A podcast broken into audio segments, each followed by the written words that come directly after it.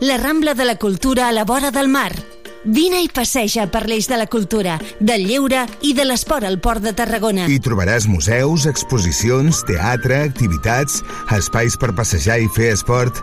Completa la teva visita amb un tas de la gastronomia marinera del Serrallo. Més informació a porttarragona.cat. Una alimentació sana, exercici físic i una bona assegurança mèdica. A MGC Mútua millorem cobertures i serveis per oferir la millor assegurança mèdica segons els professionals de la salut. MGC Mútua. Inverteix en salut. Informa't en el web mgc.es. A Tarragona, els residus al seu lloc. Utilitza la deixalleria. Recorda, els residus voluminosos no van a les deixalleries mòbils. Cal portar-los a la deixalleria fixa o bé, te'ls passem a recollir si ens avises a través del telèfon verd o l'aplicació app. Més informació a www.tarragona.cat barra neteja. Ajuntament de Tarragona.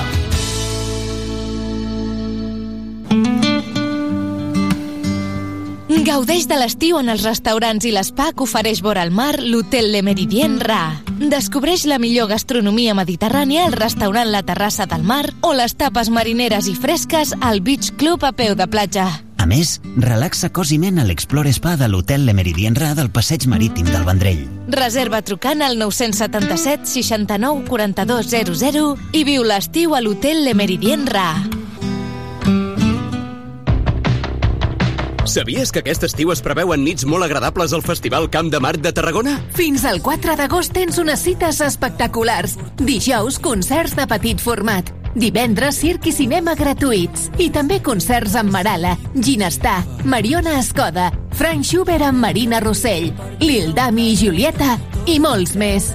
Que no t'ho expliquin. Consulta-ho tot a cultura.tarragona.cat. Ajuntament de Tarragona. De tot el món, el que més m'agrada és que també hi visquis tu. Saps què és Ematsa Online? És la manera més fàcil, còmoda i eficient de gestionar el teu subministrament d'aigua. Fes el salt online per tenir un control total sobre el teu servei. Consulta les teves factures i fes tots els tràmits quan vulguis. Rep avisos de les incidències del servei per SMS i si tens telemesura, pots consultar el teu consum i personalitzar alarmes per controlar-lo. Un servei totalment gratuït al teu abast. Registra't a www.ematsa.cat Ematsa Online, el teu servei d'aigua més a prop que mai.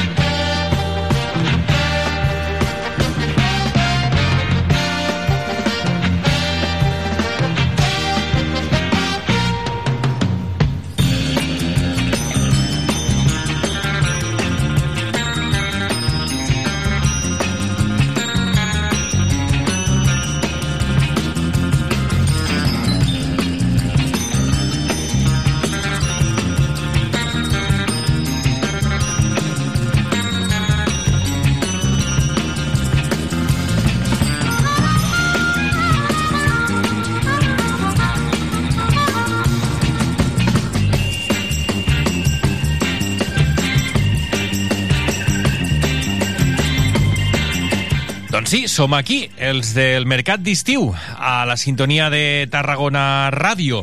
Passen ja 4 minuts de les 11 en punt del matí.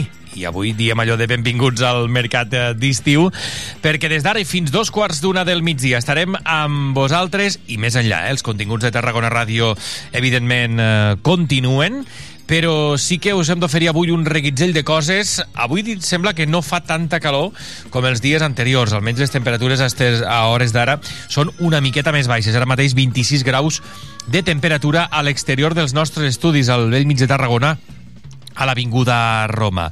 Avui, doncs, eh, de seguida us explico els plats que tindreu dintre d'aquest mercat d'estiu, les parades que anirem fent en aquest matí, que ens portaran a parlar de cultura, de teatre, de la programació de Sant Magí. Ens aturarem també per parlar de la calor, precisament, i d'aquests consells que no ens cansem de repetir avui des del Servei d'Urgències de l'Hospital de Santa Tecla. Ara de seguida ho anirem explicant tot plegat, encara cuejant i amb valoracions del que va deixar la nit electoral de diumenge d'aquest 23 de juliol. A la part tècnica hi ha el Lluís Comes i en nom de l'equip del Mercat d'Estiu us parla el Miguel González. Mercat d'estiu. Entrevistes fresques i de quilòmetre zero a Tarragona Ràdio.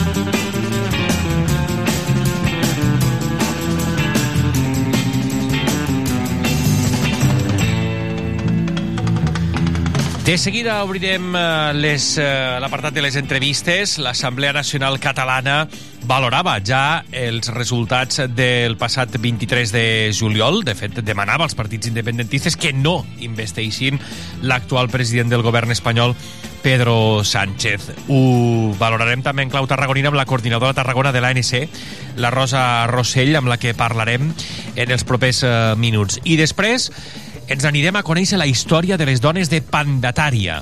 De fet, aquesta història es reviurà diumenge al Camp de Mart amb l'actriu Cayetana Guillén Cuervo.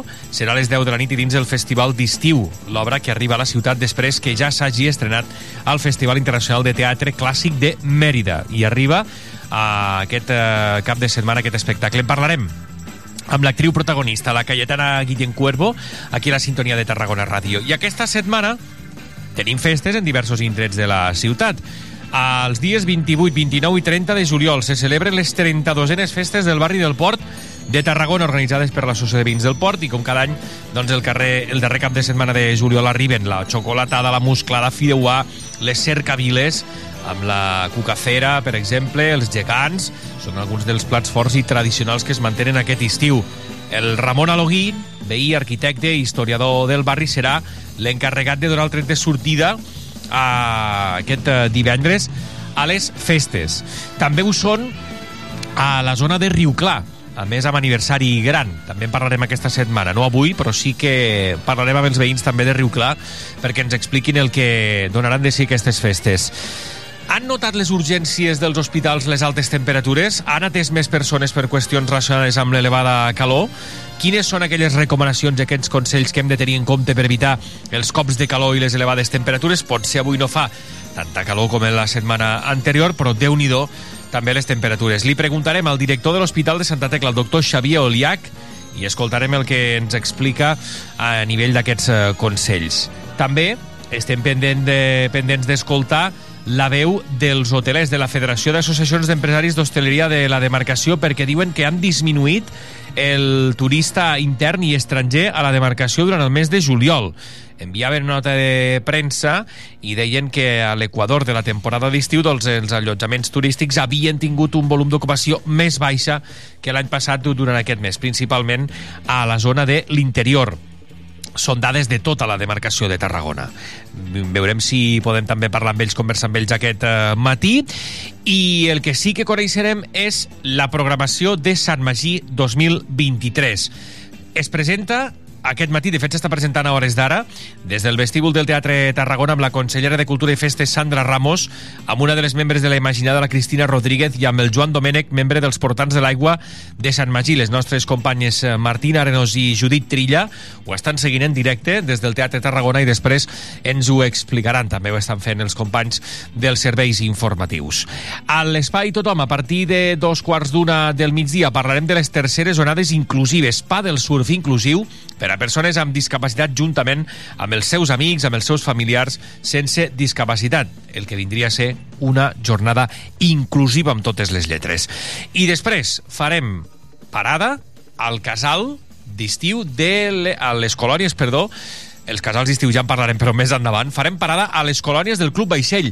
Més de 60 persones hi participaran aquest estiu. L'entitat torna a organitzar un any més activitats d'estiu per a persones amb diversitat funcional, amb diversos graus d'autonomia, i en parlarem també a l'espai. Tothom escoltarem la veu també d'una de les eh, membres del Club Vaixell, perquè ens expliqui com aniran aquestes colònies. Us avançava el dels casals d'estiu, perquè en volem parlar també amb el de la Fundació Estela. Ho farem amb els propers dies, ho intentarem fer els propers dies. El de l'Escola La Muntanyeta ja ha conclòs i el de Todos en Azul encara continua en marxa. Per tant, també casals eh, d'estiu adreçats a persones amb discapacitat. Segur que n'hi ha molts més, els anirem eh, repassant i anirem eh, informant també d'ells aquest estiu.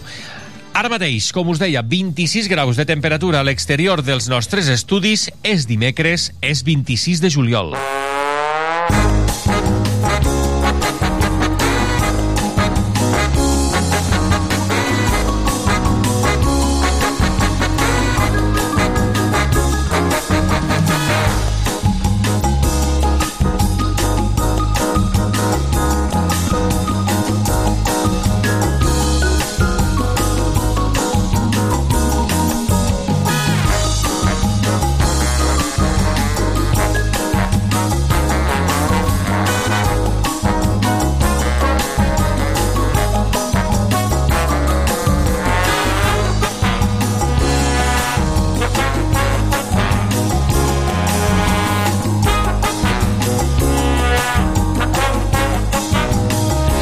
Avui, dia 26 de juliol, és el dia dels avis. Tal dia com avui, ens serveix per retre homenatge a aquesta figura imprescindible com són els avis, les uh, àvies i el rol que també desenvolupen a l'hora de transmetre valors i sobretot doncs, de fer-se cura dels seus uh, nets. També avui se celebra o es commemora el Dia Internacional de la Defensa de l'Ecosistema de Manglars. El principal objectiu d'aquesta jornada és evitar que empreses mercantilistes facin comerç amb la natura sense que importin els danys que es puguin causar.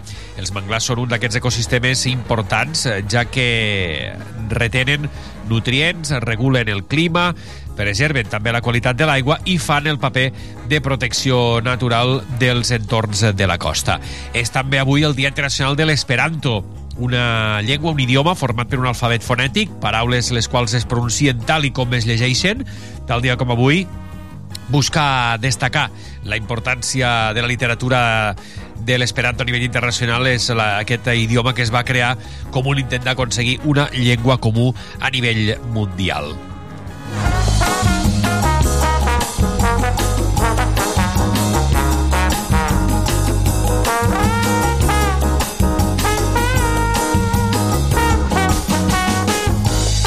Teniu avui algun familiar, amic o conegut que es digui Anna? Doncs l'hem de felicitar aquest nom d'origen hebreu que vol dir plena de gràcia i compassió. Aquestes persones se les associa amb una personalitat eh, carismàtica, amb una determinada sensibilitat, un dels noms més freqüents al món.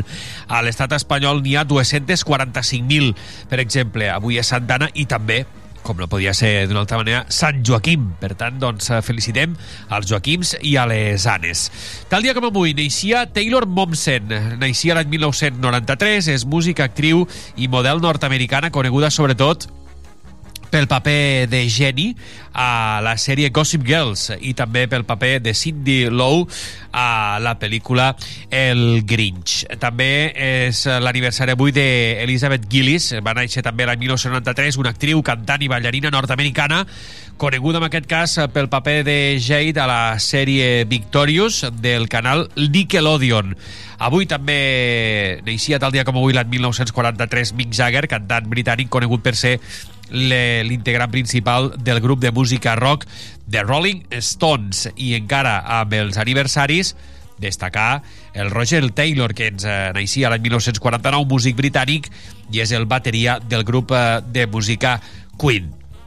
Eh, encara tal dia com avui hem de celebrar aquestes efemèrides. I tot això ho vestirem amb música, música que ens han escollit, tot i que no les tenim aquí amb nosaltres perquè són cobrint i eh, enregistrant el que escoltarem després a nivell de Sant Magí, avui la Judit i la Martina ens escollien la música del programa. Així que comencem el mercat d'estiu.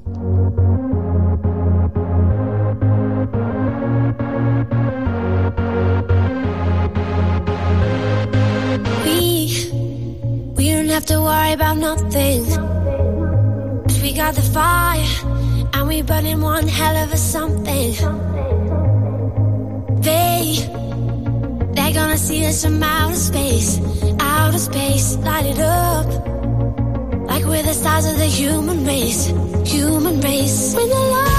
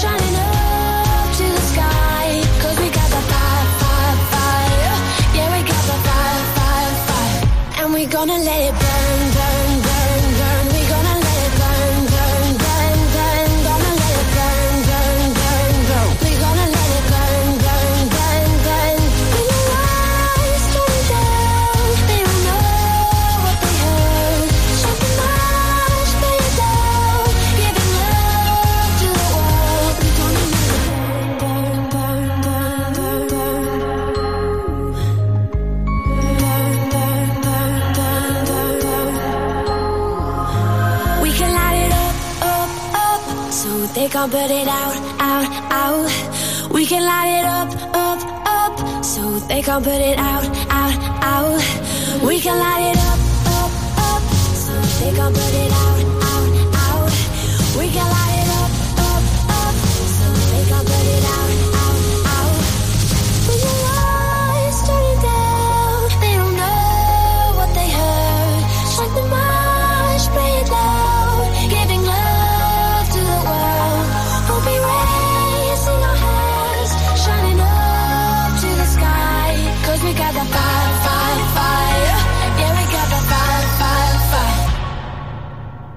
we gonna let it burn.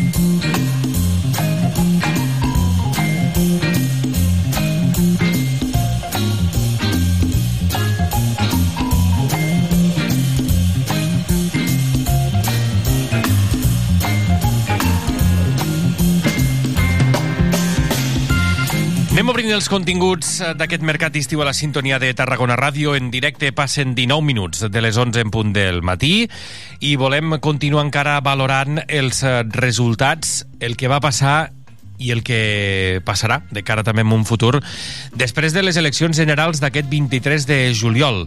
L'Assemblea Nacional Catalana, l'ANC, ja reclamava als partits independentistes que no investeixin a l'actual president del govern espanyol, Pedro Sánchez.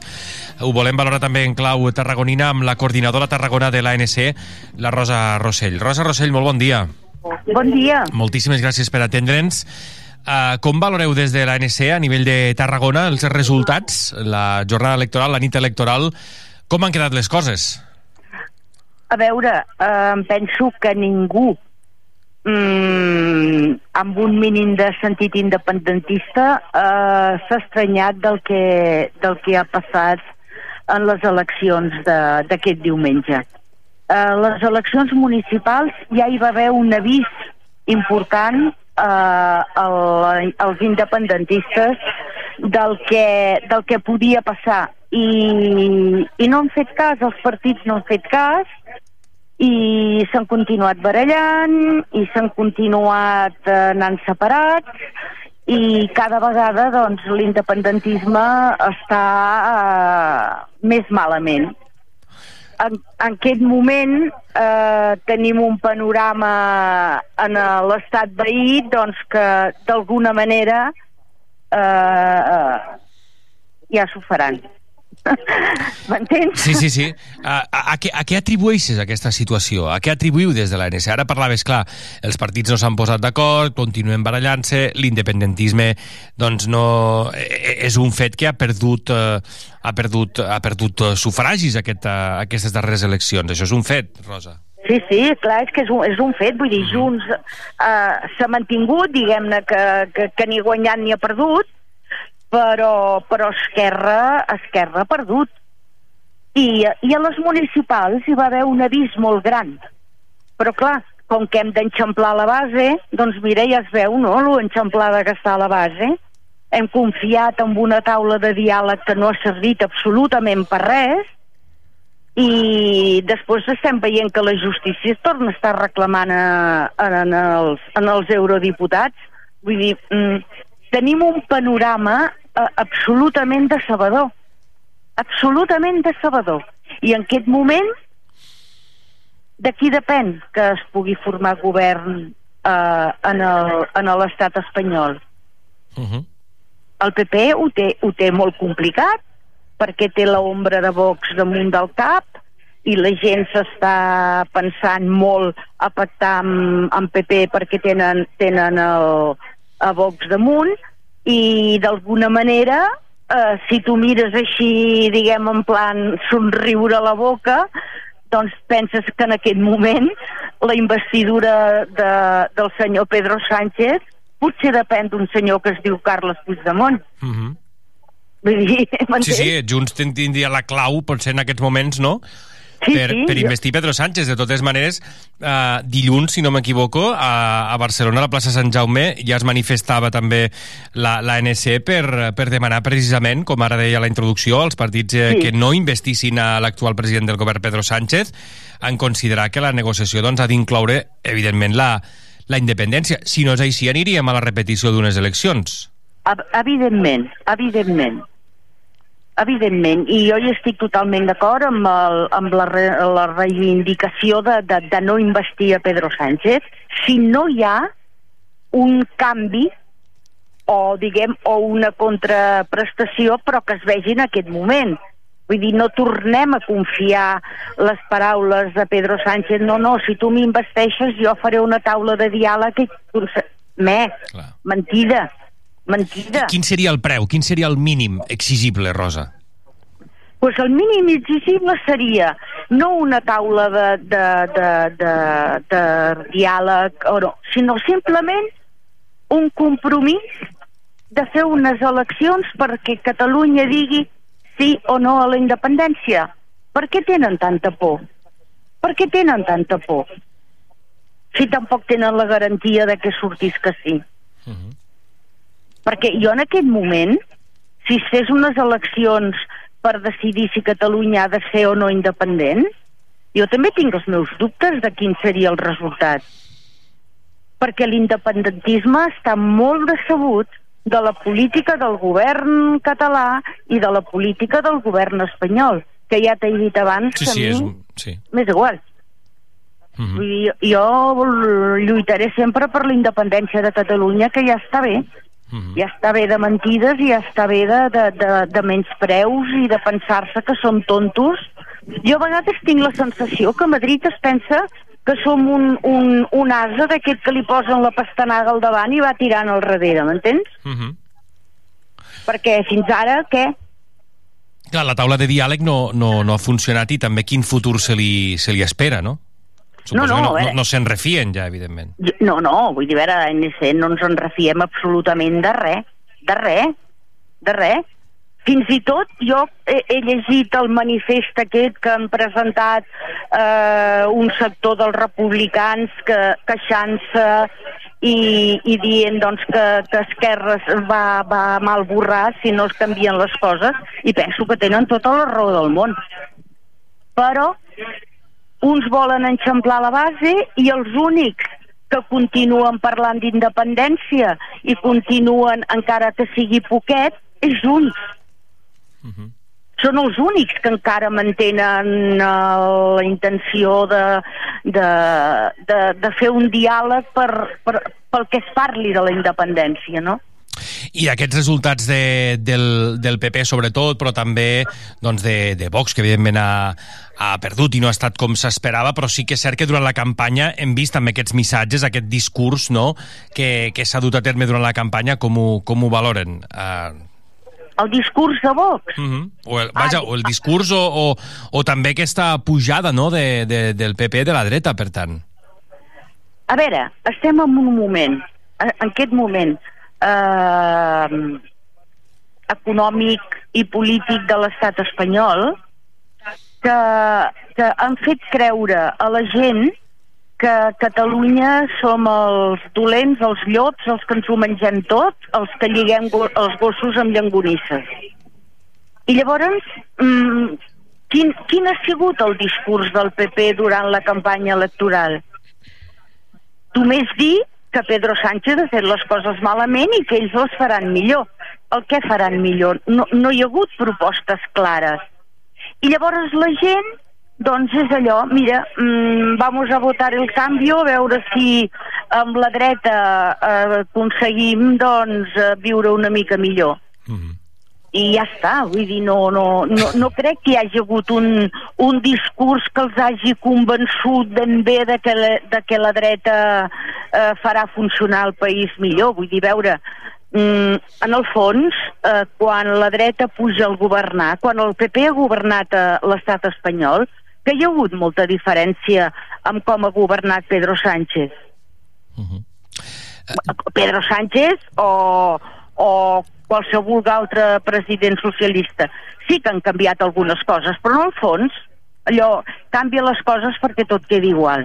Justament a pocs dies després de les eleccions ja, ja ho hem vist, la detenció de l'exconsellera Clara Ponsatí a, uh -huh. a mhm. Barcelona i la decisió de la, Fiscalia, de la Fiscalia del Tribunal Suprem per demanar al jutge Llarenas que cursi noves ordres de detenció contra Puigdemont i, i Toni Comín.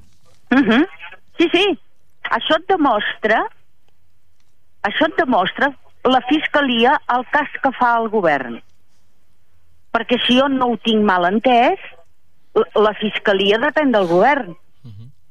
Perquè la Fiscalia hauria de ser la mà executora de les ordres del govern davant de les situacions jurídiques. Si no ho tinc mal entès, potser ho tinc mal entès. Però, clar, si la Fiscalia diu el senyor Llarena dicta una ordre de detenció del Carles Puigdemont, doncs jo he de creure que això és que el govern ho vol. I ara què passa? Mm, mm, dictem l'ordre i esperem que el senyor Puigdemont digui a Junts que, que diguin que sí a la investidura de Pedro Sánchez. I des d'aquí, i, i, eh? i des d'aquí, què fem? Cal més mobilització, senyor Rossell? Evidentment que cal mobilització. El que passa que la gent està cansada de mobilitzar-se i de que el govern de Catalunya no els hi faci cas. M'entens? Sí, sí. Perquè, perquè el, el, les mobilitzacions que van haver eh, fins abans de, de l'1 d'octubre, mm, vull dir, la gent sortia al carrer només que, només que li xiulessis a l'orella has de fer això, tothom anava allà. I el govern què va fer? Tirar enrere. I a partir d'aquest moment que ha fet el govern? Tornar a l'autonomia. I amb l'excusa del 155, doncs vinga, tots quietets, hem destrossat TV3, destrossem Catalunya Ràdio, destrossem tot el que tingui a veure amb la llengua catalana, tornem una altra vegada eh, com estàvem als anys 70, que per desgràcia em va tocar viure-ho. Mm -hmm. Senyor Rossell, per, per sort. Per, per acabar, uh, estem a poc menys de dos mesos per la, per la Diada Nacional Catalana, el proper 11 de, de setembre. Uh, què, què, què passarà en guany? Què hi ha previst? Home, hi ha previst, evidentment, una, una manifestació, evidentment, gran. Uh -huh. Uh, penso que es farà, es farà diverses uh, columnes de gent per trobar-se tots davant de... d'ara no me'n recordo, Mm, en parlarem, en parlarem més a sobre. Però ja en parlarem Sí, més exacte. endavant, però sí, sí, sí, hi haurà una bona manifestació. Esperem-ho, Doncs- doncs que en tornarem la gent a- es torni a animar. En tornarem a parlar perquè segur que l'Ares també eh, organitzarà des d'aquí sortides i per tant en tornarem a Sí. parlar quan sigui el moment. Senyora Rosa Rossell, coordinadora de l'ANC a Tarragona, moltíssimes gràcies per atendre'ns. A vosaltres, bon dia. Gràcies, molt bon dia.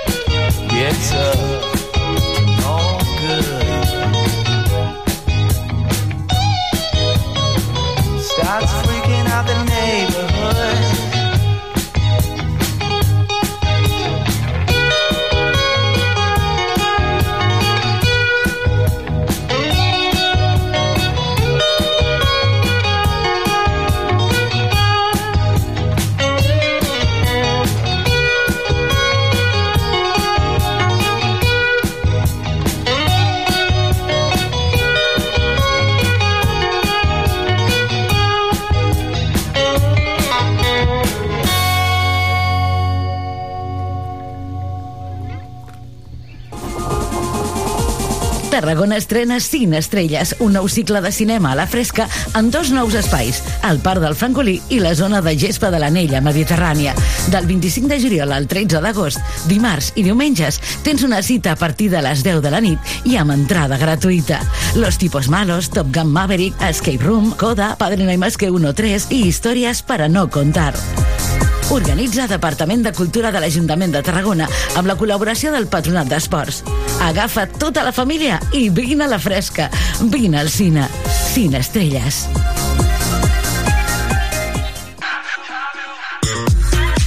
Subscriu-te al butlletí informatiu de Tarragona Ràdio. Només cal que entris a la nostra pàgina web tarragonaradio.cat i omplis la butlleta amb les teves dades bàsiques, nom, cognoms i correu electrònic. Cada setmana t'enviarem un mail amb les notícies i activitats més destacades de Tarragona.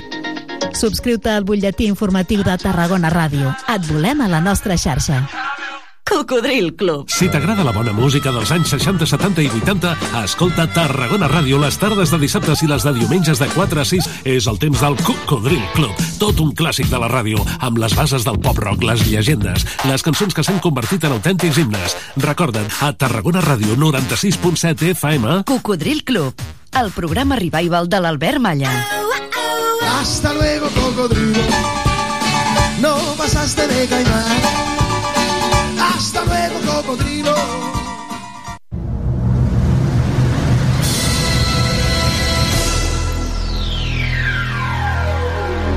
Cada dissabte a les 10 de la nit...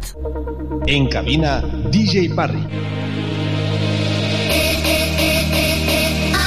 DJ Parry, el DJ resident de Tarragona Ràdio, t'ofereix la millor selecció musical perquè et montis la festa allà on vulguis.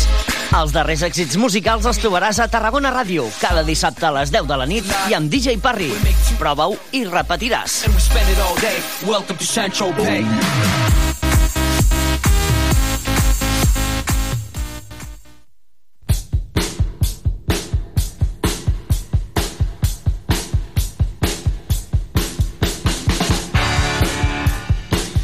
Seguim en directe a la sintonia de Tarragona Ràdio amb aquest mercat d'estiu. La història de les dones de Pandatària reviurà aquest diumenge al Camp de Mart de Tarragona. Pongo los pies sobre las huellas que dejó mi madre. En esta isla, mientras el mar golpea, la tierra ruge, las cenizas hierven. El viento... Será a las 10 de la noche dentro del Festival de Estiu, esta obra que llega directamente después de eh, que se haya estrenado el Festival Internacional de Teatro Clásico de Mérida y el espectáculo llega liderado, encabezado por la actriz eh, protagonista Cayetana Guillén Cuervo. Cayetana Guillén Cuervo, muy buenos días.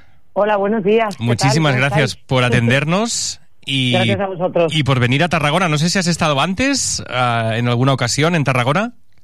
He estado en Tarragona, Has no he estado en estado trabajando, pero he estado en Tarragona. Por sí, tanto- Tengo mucha ilusión porque es un festival estupendísimo. Conoces la ciudad y además contentos y, y emocionados un poco también porque la obra viene directamente después del estreno, eh, de, de haberse estrenado, como decía, en el Festival de, de Mérida. ¿Cómo ha ido? Pues mira, ha sido un suceso, fíjate lo que te digo. O sea, quiero decir, esto es una apuesta muy grande, es una apuesta eh, que es un grito a la libertad, a la inclusión, a la diferencia, a la diversidad, eh, que, mezcla muchas disciplinas artísticas, mezcla eh, muchas cosas encima del escenario y podía salir mal, salir bien o salir muy bien. Y resulta que ha sido un suceso, pero un suceso. Las críticas maravillosas, la gente por Mérida, Mérida nos decía, todos somos pandataria, somos todos pandatarias, una cosa muy bonita pasa con la función, muy bonita, muy emocionante, estamos muy contentos. Las críticas, como tú decías, son muy buenas. En los medios lo hemos ido leyendo y es que es una obra que aúna muchísimas cosas. La danza, la interpretación, bajo la dirección de, de Chevi Muraday y evidentemente esta historia que hay detrás ¿no? de las mujeres de Pandataria que podremos revivir este domingo en, en Tarragona y que habla precisamente, como tú comentabas, pues de, de- de- de libertades de esa época, ¿no? De, de la dinastía de, de Julio Claudio, que nos, nos traslada un poco ahí, ¿no? Al, al Imperio Romano, además en esta Tarragona que tanto admiramos y tanto le debemos también a, a la época romana, ¿no?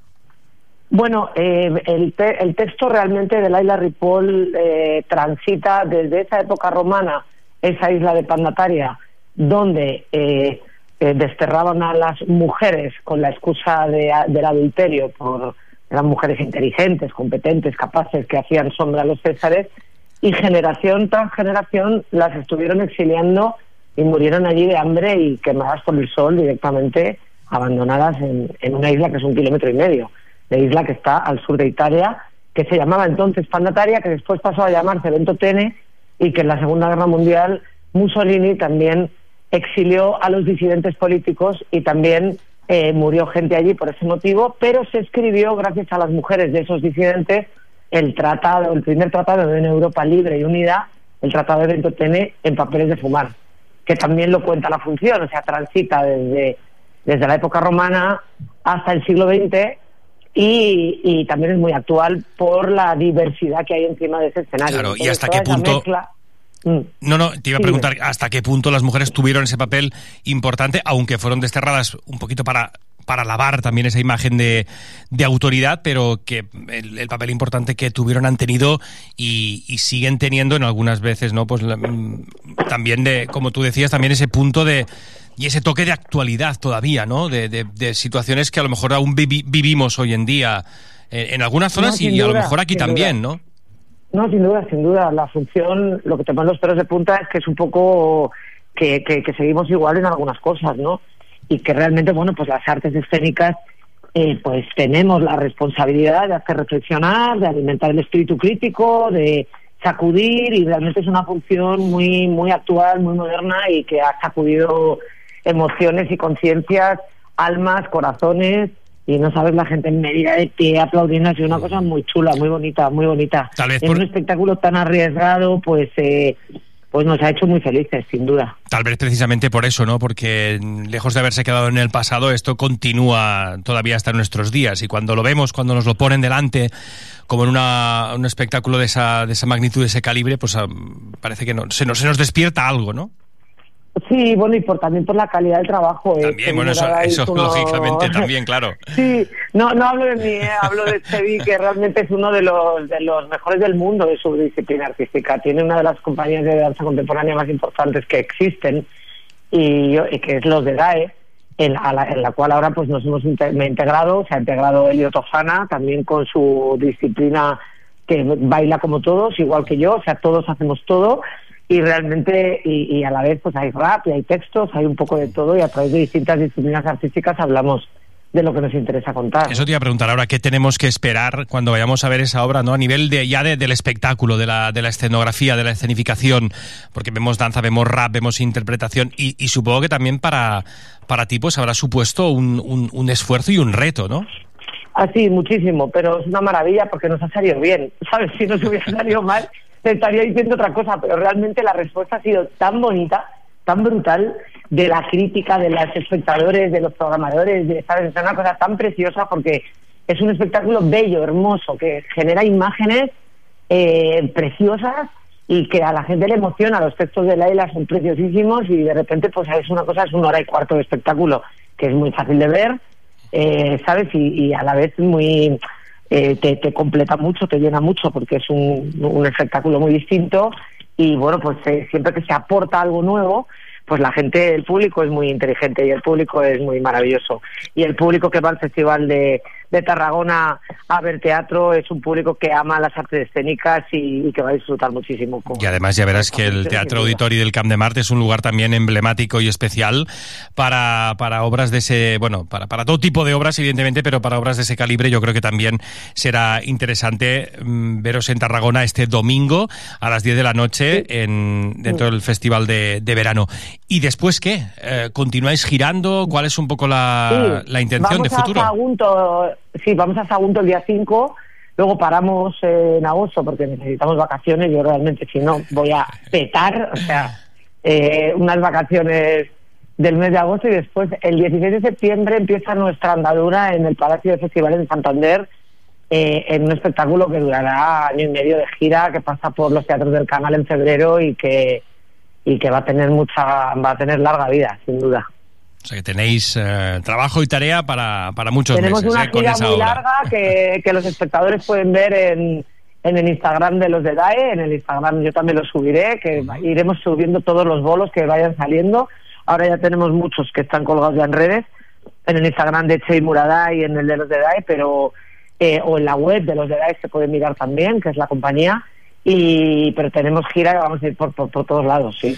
Pues eh, os eh, seguiremos, Cayetana, con ese grito a la diversidad, ese grito a- al amor, que llega también este domingo, este espectáculo, Pandataria, a las 10 de la noche. Cayetana Guillén Cuervo, muchísimas gracias. Y como Pues decías al principio, os ha salido bien y ahí, mucha ¿eh? suerte. Muchísimas gracias. Espero que vayáis a verlo y que luego nos esperéis para contarnos a la salida, darnos un abracito y contarnos qué os ha parecido. Pues muchísimas gracias, un ¿Vale? saludo. Venga, un hasta besito, luego. hasta ahora. Chao, chao. Don't speak, no, don't try. It's been a secret for the longest time. Don't run, no, don't hide. Been running from it for the longest time.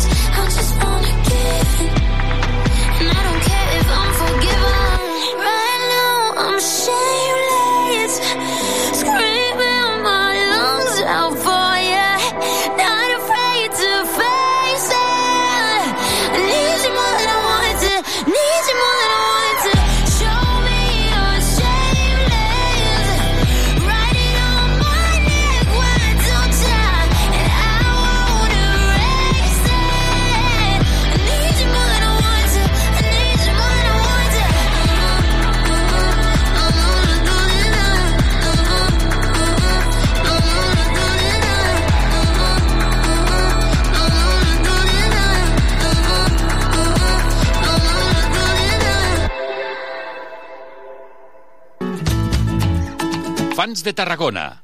Amb Sílvia Garcia, de 6 a 7 de la tarda. De dilluns a divendres, una hora per la música de casa. Fans de Tarragona a Tarragona Ràdio.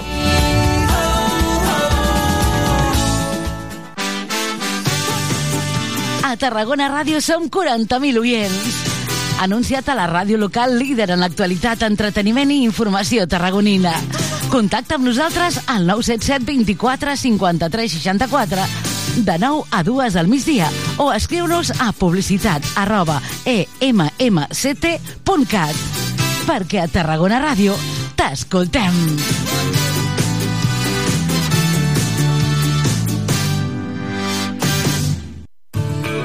A Tarragona Ràdio som la Tere, el Jordi, la Laura, el Miquel... Bé, ja ho saps, ja ens coneixes. Però ara hem descobert que a Tarragona Ràdio també hi ha el Pau, la Dora, la Laia, la Leix, l'Andreu, la Pili, l'Ester, l'Emma, el Dan... 40.000 oients ens escolten cada mes. 31.000 descàrregues de podcast. 7.700 oients cada dia. 11% de share a la ciutat. 29.000 seguidors a les xarxes. 97.000 hores d'escolta en streaming. 6 de cada 10 tarragonins us informeu amb nosaltres. La Maria Dolors, la Montse... Buah, quanta gent! A Tarragona Ràdio som 40.000. Gràcies per ser-hi. Tothom amb les capacitats. la capacitat de ser diferents, no? de ser persones neuronalment atípiques, però com una condició. Tothom amb la solidaritat. per visibilitzar-nos i per donar-nos a conèixer i fer recerca sobre aquesta malaltia. Tothom amb el voluntariat. facilitant el nostre dia a dia i la nostra prestació de serveis. Tothom amb les iniciatives socials. poder construir pues això, no? espais sants i positius i a través de l'oci i el temps lliure pues, generar oportunitats. Tothom amb la gent gran. acompanyar aquella persona en unes etapes de la seva vida que també ha de ser gaudir i disfrutar. Tothom amb les persones. Ajudant a les persones amb trastorns neurocognitius que ho necessiten. Tothom amb Miguel González. A Tarragona Ràdio. De dilluns a divendres a dos quarts d'una del migdia. Al tothom de tothom. Tots podem expos estar exposats en algun moment donat a poder patir un, un trastorn. Telèfon verd, digui'm. Vull llançar un moble vell. Què he de fer? Telèfon verd 977 296 222. La ciutat com t'agrada amb una trucada. Ajuntament de Tarragona. A Tarragona Ràdio som la Tere, el Jordi, la Laura, el Miquel... Bé, ja ho saps, ja ens coneixes. Però ara hem descobert que a Tarragona Ràdio també hi ha el Pau, la Dora, la Laia, la Leix, l'Andreu, la Pili, l'Ester, l'Emma, el Dan... 40.000 oients ens escolten cada mes. 31.000 descàrregues de podcast. 7.700 oients cada dia. 11% de share a la ciutat. 29.000 seguidors a les xarxes. 97.000 hores d'escolta en streaming. 6 de cada 10 tarragonins us informeu amb nosaltres. La Maria Dolors, la Montse... Buah, quanta gent! A Tarragona Ràdio som 40.000. Gràcies per ser-hi.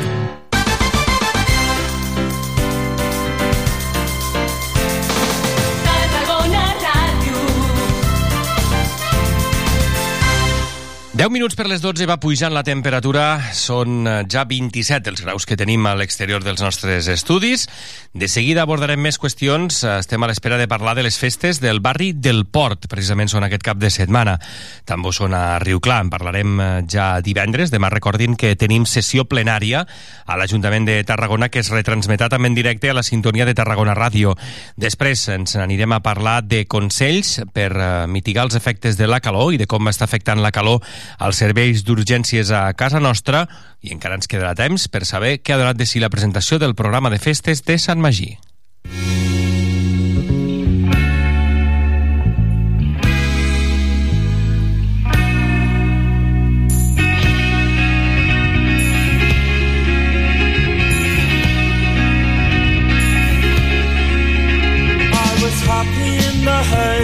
I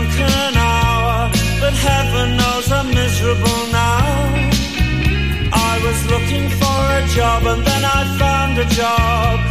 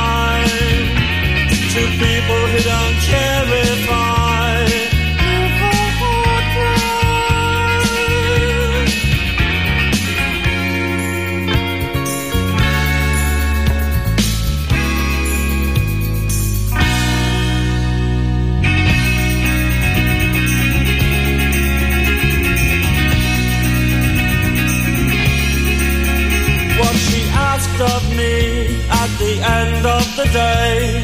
Caligula would have blushed. Oh, you've been in the house too long, she said, and I naturally fled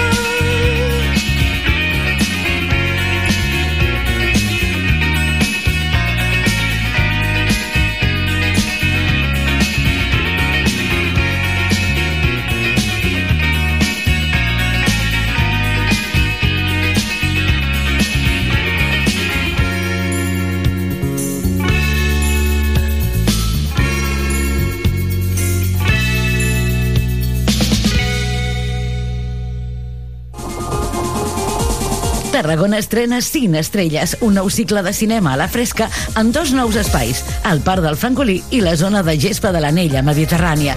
Del 25 de juliol al 13 d'agost, dimarts i diumenges, tens una cita a partir de les 10 de la nit i amb entrada gratuïta. Los tipos malos, Top Gun Maverick, Escape Room, Coda, Padre no hay más que uno 3 i històries para no contar.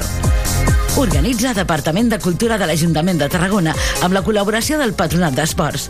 Agafa tota la família i vine a la fresca. Vine al cine. Cine Estrelles.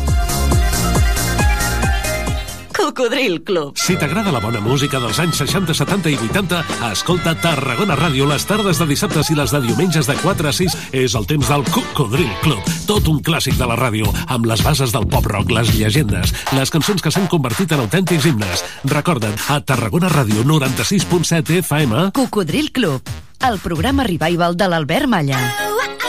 Hasta luego, cocodrilo. No pasaste de caimán. Hasta luego, cocodrilo. A Tarragona Ràdio som 40.000 oients. Anunciat a la ràdio local líder en l'actualitat, entreteniment i informació tarragonina. Contacta amb nosaltres al 977 24 53 64 de 9 a 2 al migdia o escriu-nos a publicitat arroba emmct.cat perquè a Tarragona Ràdio t'escoltem.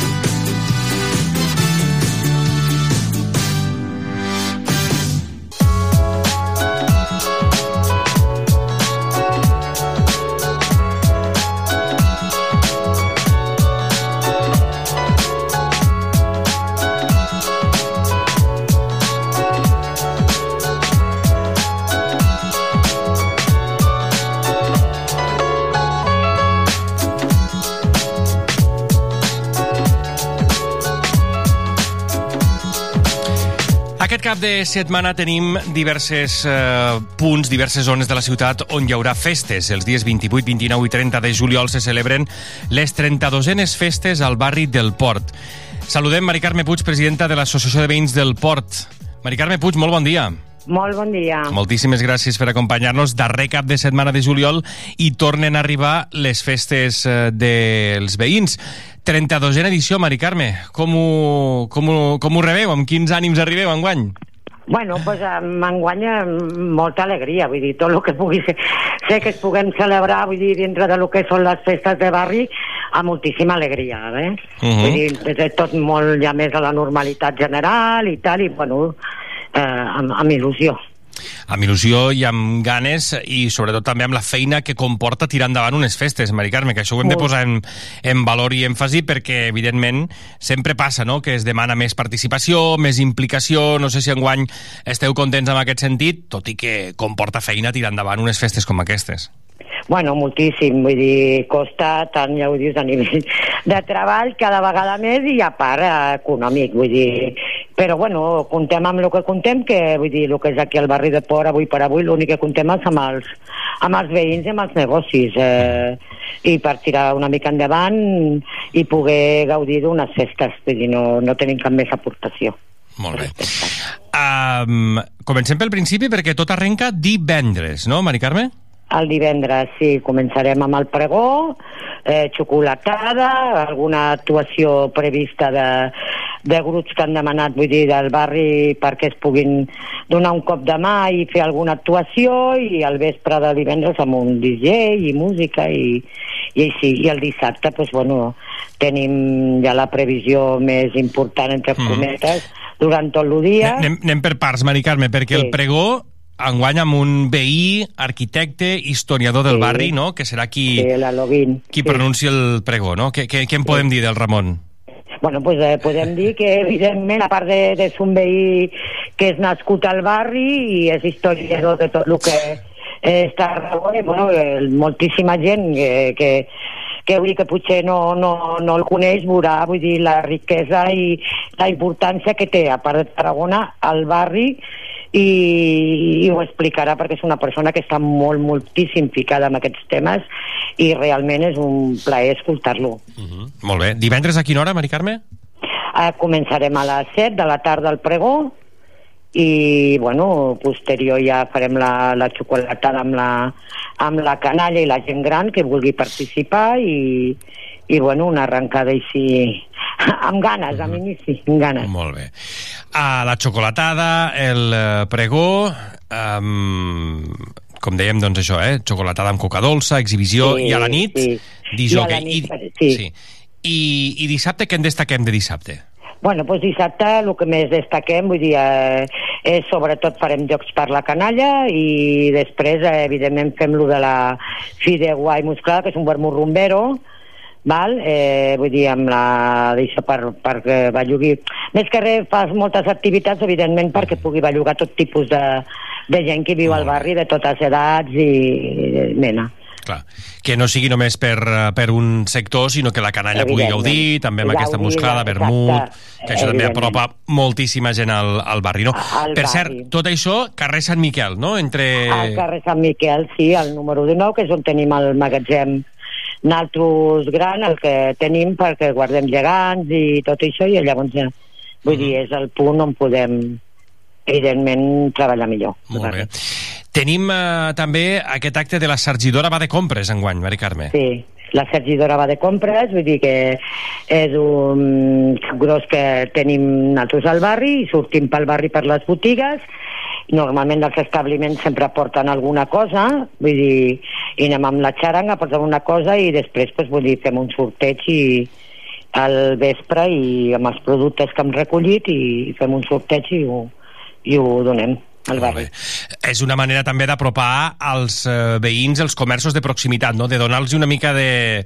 De vida. De, de vida, exacte, que fa, fa no? molta falta, fa moltíssima falta. Al comerç li fa molta falta, sobretot el comerç de proximitat, és una manera de, de, de que la gent també el, vegi que estan al barri. Molt bé. I la cucafera, la tornem a tenir activa i, o desperta, Activa, Mari sí, Carme? Sí, sí, la despertem, que també és un punt molt important, vull dir, és prèvia, posterior, ja de, de festes de Santa Tecla fem la baixada i la primera que fem és la despertada aquesta de la cucafera per, pel barri, vull dir, amb la xaranga i això també va llogar moltíssima gent de tot tipus i, bueno, ja sabem que els elements, vull dir, del seguici, entre cometes, vull dir, fa moltíssima festa per la gent, vull dir que va llogar, és una cosa molt important És barri. aquest primer punt de la llegenda, no? Que la, Exacte. la bèstia, doncs, després d'un any de- d'hivernatge, eh, arriba, arriba al calor, es desperta i, I torna a fer por a la gent.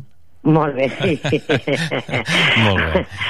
Uh, després d'això, com deies, és la prèvia eh, a les festes de, sí. De Sant Magí, per les festes de, de Santa Santa Tecla, que es Tecla, buscarà aquest sí. cavaller, vaja, amb les habituals, Sí, sí, sí. amb les habituals qüestions de, cavaller, de, la, de la cucafera. Uh, Mari Carme, i diumenge acabem Cercavila, no? I diumenge fem cercavila amb els gegants i els capgrossos, bueno, lo, tots els elements que tenim nosaltres, eh, convidem als excipions, als gegants dels excipions, la cucafera petita, vull dir, amb la xaranga i pels carrers del, del barri, que això també aporta, vull dir, moltíssima alegria a tothom eh, i a tot tipus de, de persones, petits, grans, Enguany, a més, eh, unes festes, jo crec que cada any. Eh? De moment ens està deixant una treva la calor, però clar, també heu intentat evitar, en certa manera, doncs això, fer actes amb hores molt, molt Sí, centrals molt o que afecti una mica la calor perquè potser el cap de setmana li torna, li torna Sí, a, perquè a donar. No? realment eh, estem patint una ola de calor més important que el calor habitual i llavors, vull dir, segons quin tipus d'activitats que hi fem, vull dir, comporta estar hores al sol i és bastant molest. Llavors hem fet així per intentar, mm, vull dir, hores que, que, que donguin menys part de sol a la zona que hi estem. Mm. Molt bé. 32a edició, 32a edició, Mari Carme, d'aquestes festes que es diu eh, que es diu aviat i de fet cal comentar també la col·laboració, com tu deies, des de des, de, des del, te, del teixit associatiu perquè les dificultats econòmiques que, que pateixen avui en dia les, les associacions i a més vosaltres continueu sense local social. No tenim local social, no, no rebo, no la rebo, evidentment, no l'agafo jo, la subvenció, evidentment, per justificacions, evidentment, al no tindre local social, vull dir, justificar uns diners és inviable. Ah, llavors, vull dir, contem, ja et dic, amb la col·laboració de comerços, que ha sigut molt important eh, i molt agraïda a comerços del barri, i la voluntària amb, amb de la voluntariat dels veïns de, vull dir, de, de, de posar econòmicament alguna cosa. I llavors amb això, doncs, vull dir, podem gaudir-ho tots, vull dir, ho paguem tots, ho paguem al barri, vull dir.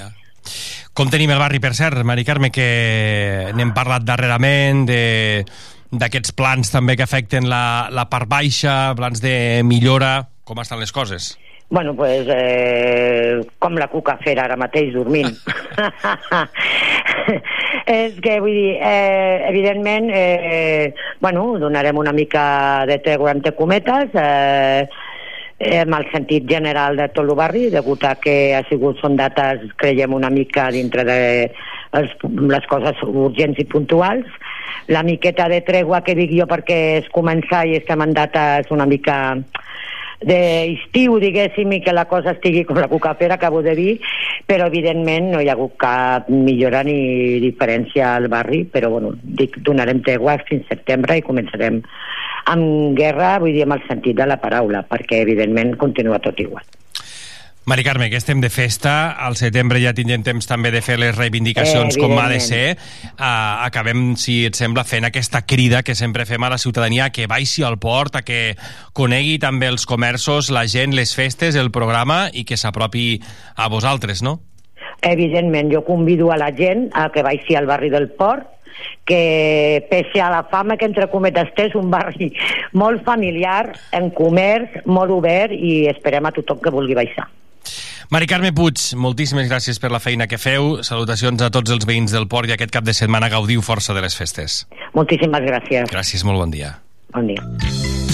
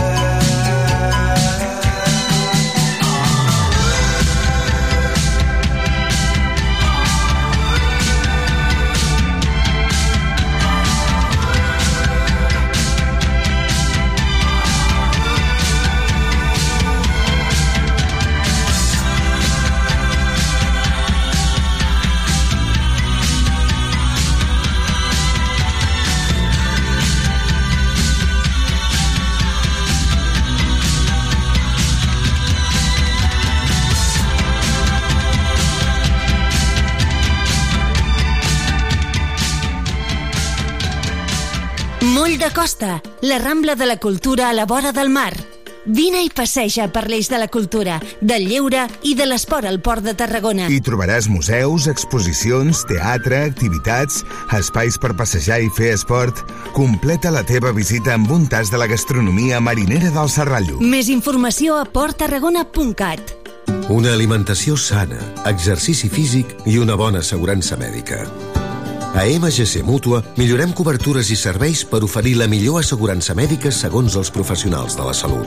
MGC Mútua. Inverteix en salut. Informa't en el web mgc.es. Sabies que aquest estiu es preveuen nits molt agradables al Festival Camp de Marc de Tarragona? Fins al 4 d'agost tens unes cites espectaculars. Dijous, concerts de petit format. Divendres, circ i cinema gratuïts. I també concerts amb Marala, Ginestar, Mariona Escoda, Frank Schubert amb Marina Rossell, Lil Dami i Julieta i molts més.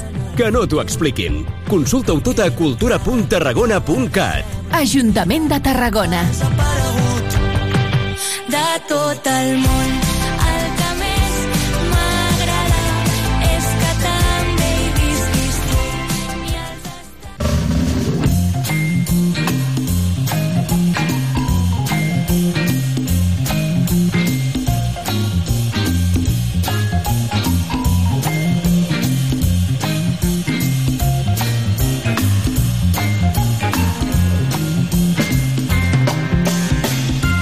La sintonia de Tarragona Ràdio és moment de saludar a través del telèfon al director de l'Hospital de Santa Tecla, el doctor Xavier Oliach. Doctor Oliach, molt bon dia. Hola, molt bon dia. Moltíssimes gràcies per acompanyar-nos eh, en aquesta jornada. Aquests darrers dies potser ha minvat una miqueta la calor, però déu nhi la que va fer les setmanes anteriors i encara la que està fent, alguns dies doncs, amb temperatures que es consideren normals, altres potser no tant.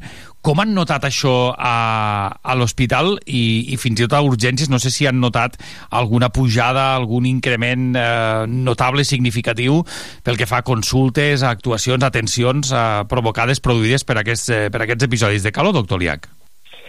Bé, de fet, cada estiu ens trobem amb que, eh, bàsicament, al servei d'urgències apareixen patologies vinculades directament o de forma indirecta al, a l'estrès provocat pel, pel calor. Això és un, un clàssic dels estius i és difícil calibrar hores d'ara si és més o menys que, que altres anys, però sí que és cert que durant el període d'estiu ens apareixen situacions o patologies eh, de manera eh, més important que la resta de l'any bastant directament o bastant eh, vinculades en, en això, en l'estrès eh, que provoca la situació de calor persistent. Però no, podríem, no estaríem parlant ni d'un augment significatiu ni de tenir unes urgències tensionades com sí que hem vist eh, en d'altres punts de Catalunya o en altres punts de l'Estat fins i tot eh, per, per episodis de, de calor. No s'estaria produint aquesta situació, entenc, a, a casa nostra o, al, o, al, o a l'Hospital Santa Tecla en aquest moment, no? Jo no ho viuria d'una manera especialment superior al que puguem haver tingut altres estius. D'acord. Ah, I aquestes, eh, aquestes consultes, aquestes anades a urgències, a, a què solen respondre normalment, doctor Liac, relacionat amb, amb qüestions relacionades amb la calor? Clar, em refereixo. Bé, doncs eh, relacionades amb la calor, eh, bàsicament es provoquen eh, situacions com, per exemple, l'aparició de descompensacions cardíaques. Eh, penseu que el calor provoca eh, en el nostre organisme mecanismes de defensa, i aquests mecanismes de defensa mm, comporten, per exemple, un increment de la freqüència cardíaca per intentar que la sang arribi a la perifèria del cos, a la pell, per eliminar la calor, i això és una sobrecàrrega, un sobreestrès que comporta sobre el cor de persones que poden tenir prèviament un cor ja en una situació d'una certa, certa eh, patologia de base, i per tant aquest sobreesforç doncs, pot descompensar aquestes patologies de base. Aquesta és una situació relativament, relativament habitual que ho veiem, bastant, mm -hmm. bastant específic d'això, de persones normalment d'edat de, de, i amb patologia cardíaca de base. Uh -huh. Situacions amb patologies amb gent més jove, per exemple, és l'aparició eh, més freqüent de còlics nefrítics. Novament, el fet de que hi hagi molta suor fa que la concentració dels electròlits en l'organisme i el treball que se li provoca en el propi ronyó eh, sigui més alt i això moltes vegades pot convocar, provocar una descompensació de funcionament i, per tant, l'aparició de còlics nefrítics. Aquesta també és una situació, una situació bastant, bastant habitual vinculades amb, el, amb, el, amb la calor. Um, el tema clàssic dels eritemes, eh, les lesions a la pell provocades pel sol, Clar. això també és un clàssic. Situacions ja més complexes i més, direm, més directament complicades, eh, implicades amb, el, amb la calor, doncs seria els síncopes i, els, i finalment la situació de, més dramàtica, que és el cop de calor el cop de... serien... Sí, però... No, no, el, el cop de calor, sí, disculpi, que, que de fet és potser la que, la que més sentim aquest estiu, eh, juntament amb aquestes, eh, aquest i d'altres, eh? Vull dir, la que més sentim a l'estiu, no? És que he tingut o conec algú eh, un cop de calor, no sé si ho tenim ben entès, el, el que és, com actuar-hi i, la, i la importància que tenen aquests cops de calor, doctor Liac.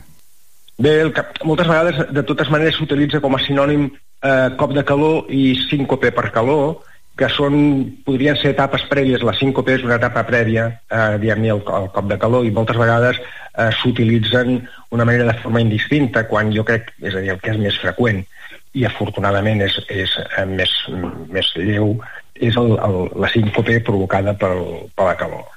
Uh -huh. eh, això, bàsicament, representa que el nostre organisme ha anat perdent, eh, va perdent líquids eh, i va perdent a través de la suor i de l'evaporació de la calor i de la respiració, eh, provoca una, una vasodilatació de les, de les zones cutànies del cos perquè intenten eliminar la calor de l'increment de la temperatura. I tot això acaba amb que el nostre organisme eh, entra en una situació doncs això, d'unes dificultats de funcionament i fan, provoquen una pèrdua temporal, puntual, de coneixement, una, una palidesa, veure una, tenir unes visions borroses, problemes digestius, sensació de vòmits, mal de cap, eh, mareig... Tot això és el que en diríem el síncope provocat per la, per la, per la calor.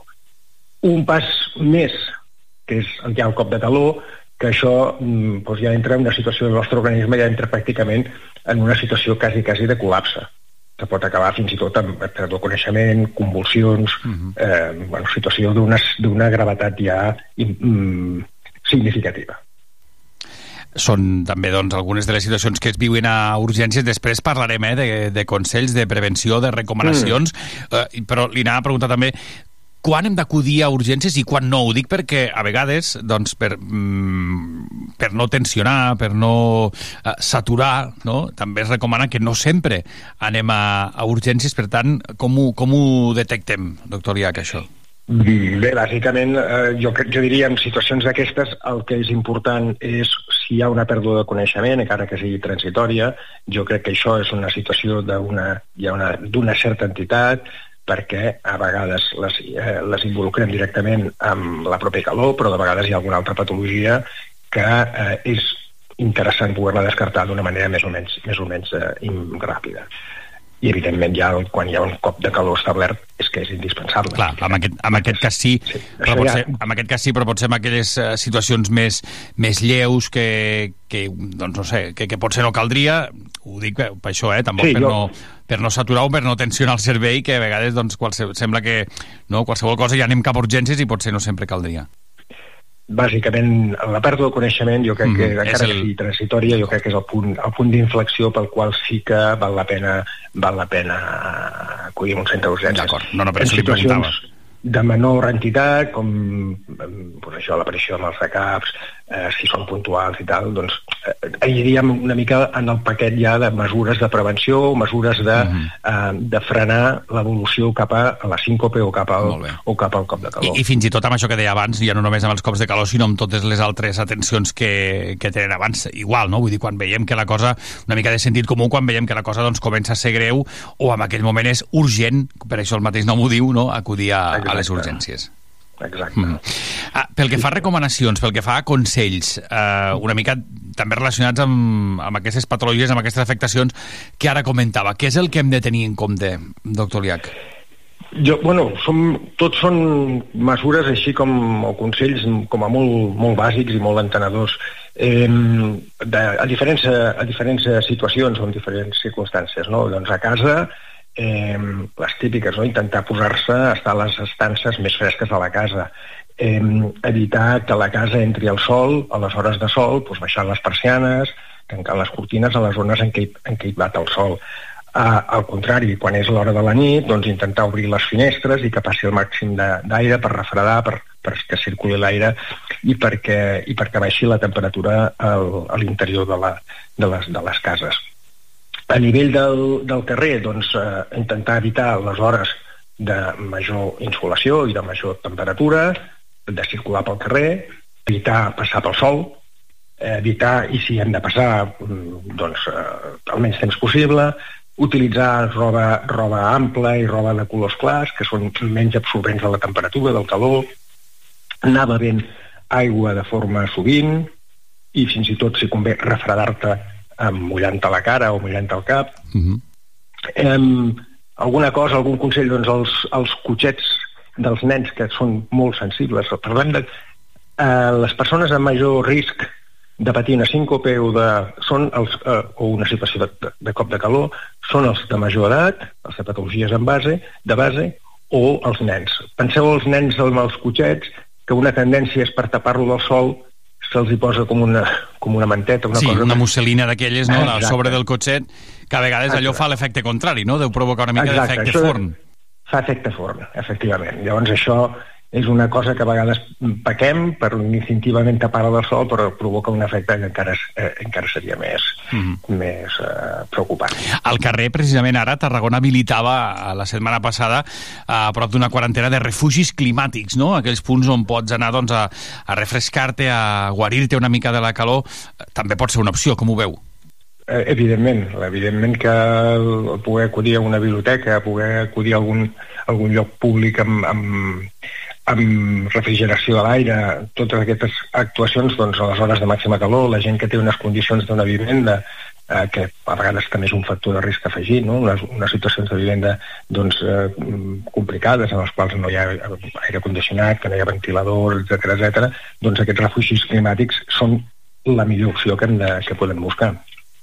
Donaves alguns consells al carrer, a casa, no sé si queda alguna cosa a nivell de, de recomanacions, Bueno, però la vaig feina, una mica exemple. a la feina, sí. La feina, doncs clar, hem de pensar que les feines que eh, les escombraries, eh, els pagesos, eh, feines que impliquen estar al, al, exposats al, al, al sol, doncs evidentment que són situacions de, de major, de màxim risc i això doncs, eh, doncs les aturades per, mm, repetides cada X minuts, refrigerar-se sobretot, beure molta aigua, eh, protegir-se de l'impacte directe de, de l'impacte directe del sol, eh, el mateix, la roba ampla, eh, barrets, qualsevol cosa que ens eviti l'impacte directe del, del sol, períodes de descans a cada, cada X temps i refrigerar-se i beure força aigua. Això seria una altra, una altra situació. L'altre tema, doncs, les activitats físiques que es fan al, al, al, al sol, no? Doncs el mateix. Intentar evitar de fer-les a les hores de, màxim, de, màxima, de màxima calor o de màxim de màxim sol. Que això també és una situació que alguns esportistes, alguns practicants d'esport, eh, moltes vegades no tenen present, no? Com que tenen un físic de base eh, bastant, bastant bo, doncs eh, menyspreen una mica l'impacte que pot ser que pot ser les altes temperatures o l'impacte directe del sol. Pensem I que no hi haurà cap sí que problema, però ens anem a fer esport a les 12, a la 1, a les 2 del migdia i potser no serien les millors Ah, hores, no? com que som, tenim uh, una preparació física excel·lent, doncs uh, tenim això, no, no valorem suficientment aquest, aquestes situacions de, de, de risc. Eh, I, bueno, doncs això, altres temes importants que jo crec que cal, cal insistir és amb el tema de la hidratació, hidratació, hidratació, hidratació, alimentació a base de- d'aliments que no estiguin, no siguin massa salsa, massa carregosos, les amanides, totes aquestes coses són les ideals per, per aquest període de, de, de l'est- de l'estiu. Hidratar-nos sempre amb, amb aigua i no tant amb, amb refrescos o amb, amb begudes alcohòliques que, que potser no seria tampoc el recomanat, no? No, la beguda, les begudes alcohòliques acceleren el procés de, de deshidratació possible, és a dir, que, que són, no estan recomanades, evidentment, en situacions d'estrès calòric. Molt bé, doncs situacions, recomanacions, consells eh, de sentit comú molts i d'altres que ens agrada recordar i que avui també ho fa el doctor Xavi Oliac, eh, director de l'Hospital de Santa Tecla. Doctor Oliac, ja per acabar, eh, com sol ser un mes d'agost a, a, a l'hospital o a l'àrea d'urgències? Perquè, evidentment, vosaltres no feu vacances, no pareu, eh, ni, i molt menys a l'agost. Nosaltres no parem, estem en una ciutat que, que està a la costa, que rep molt de turisme, eh, que hi ha molta, moltes activitats de molt, de molt, de molt de tipus i mm, realment es produeix sempre un increment de l'activitat als serveis d'urgències. Moltes d'elles vinculades directament pues, això, en, el, en el propi lleure, eh, lleure, doncs, eh, moltes fractures, moltes lesions, eh, contusions, etc etc. Un tema que no hem comentat, però que també ha estat eh, sovint notícia aquests, eh, aquestes darreres setmanes, no? els ofegaments o, sí. o els, eh, els preofegaments, no? vinculats directament també amb el, amb el lleure. Mm -hmm. Sí, sí, malauradament està sent un estiu força força, doncs això, força complicat amb aquest, eh, amb aquest sentit eh, i, i en portem diversos a, a, també a les jo nostres, aquest sí que realment no tinc la sensació, perdó, tinc la sensació que, que aquest estiu sí que hi ha més eh, pacients eh, o més atencions derivades dels ofegaments i dels profagaments. Eh, això sí que ens sembla amb percep, eh, que hi ha una percepció de que hi ha incrementat. Altres coses vinculades també amb el lleure, doncs les otitis, les otitis externes, a la piscina o estar a l'aigua amb remull, les nostres, eh, les nostres orelles o el pavelló auricular o el conducte auditiu, doncs també s'han afecta. Les gastroenteritis, vinculades amb moltes... Eh, l'alimentació, la pròpia calor, de vegades provoca situacions de mm, síndromes diarreics, les picades, les erupcions cutànies. Um, veiem un increment bastant notori de moltes, de moltes patologies, a més enllà de que hi ha més població que està vivint o que està, eh, està en, la nostra, en el nostre territori. Doncs és d'agrair també la, la feina que fan en aquest sentit. Doctor Xavi Oliac, moltíssimes gràcies per acompanyar-nos, que acabin de passar també un molt bon estiu i el més tranquil possible. Gràcies. Moltes gràcies. Que vagi bé, bon dia. Adéu, bon dia.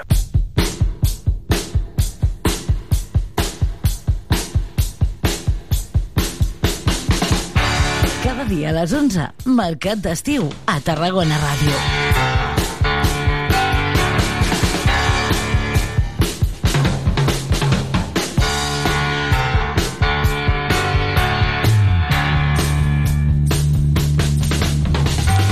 Doncs ja tenim el programa de Sant Magí sobre la taula. S'ha presentat aquest dimecres, concretament aquest matí, una roda de premsa que han seguit els companys dels serveis informatius i també les companyes del programa Judit Trillas i Martina Arenos. Judit, Martina, bon dia. Bon dia. Bon Què dia. tal? Com ha anat això? Molt bé. Prou Sí? bé. Sí. Eh, Sense espera ens pinta un bon Sant Magí o no? Jo crec Sí. que sí. Amb- Amb, alguns canvis, però Mhm. ja Però bé, agradarà. Sí. Molt bé. Uh, M'expliqueu alguna cosa o escoltem directament el que us han, uh, el que us han explicat els protagonistes precisament d'aquesta d'aquesta roda de premsa? Bé, jo crec que el que més hauríem d'explicar, perquè el de més és, al final són tots els actes que fan de normal, és aquest canvi de la remotllada Sí. a la il·luminada. Que Ah, mira, la rebetlla il·luminada... Espera, espera, Sí. espera, espera, espera. La rebetlla remullada ara és il·luminada. ara serà la rebetlla il·luminada. Exacte. Perquè, clar, ens hem de... Enguany no podem tenir actes amb aigua, perquè Exacte. No, estem per amb sequera, restriccions sí. de sequera. Per tant, bé. 140 actes, veig, que es despleguen entre el 12 i el 19, dia de, del patró, amb un aniversari, no?, també, de la baixada, diria? Tenim aniversari? Que compleix 30 anys, aquesta baixada enguany, sí? Sí, 30 anys de la baixada de l'aigua. Molt bé. Se suprimeix la, la rebella, com dèiem, per estalviar aigua i amb aquesta festa, que de fet ja ho té ja té aquest vincle amb l'aigua, però que enguany doncs, eh, l'hem de treure una mica, eh, aquesta vinculació per, per, la, per la sequia per la sequera. Escoltem, si us sembla... A veure, a qui escoltarem primer? Explica-m'ho Primer escoltarem a la Sandra, no, A la Martina? Sandra. Ahà. Que és la consellera de Cultura i Festes. Uh -huh. I després escoltarem una mica la Cristina, que és el membre de la Imaginada. I finalment el Joan Domena, que és el membre dels portants de l'aigua de Sant Magí. Doncs comencem escoltant la consellera de Cultura i Festes, la senyora Sandra Ramos. Tenim amb nosaltres a la consellera de Cultura i Festes. Bon dia, Sandra Ramos. Hola, molt bon dia. Volíem preguntar-te com definiries, definiries en global el programa, com creus que seran les festes? Doncs jo crec que seran unes festes molt animades, molt estiuenques i sobretot plenes de cultura, de tradició, de llum, d'aigua també, l'aigua de Sant Magí que sempre ens acompanyarà i també unes festes molt col·laboratives perquè especial agraïment doncs, a totes les entitats que fan possible aquest programa de festes. A banda de mantenir els principals actes tradicionals, el programa ofereix eh, novetats significatives? Doncs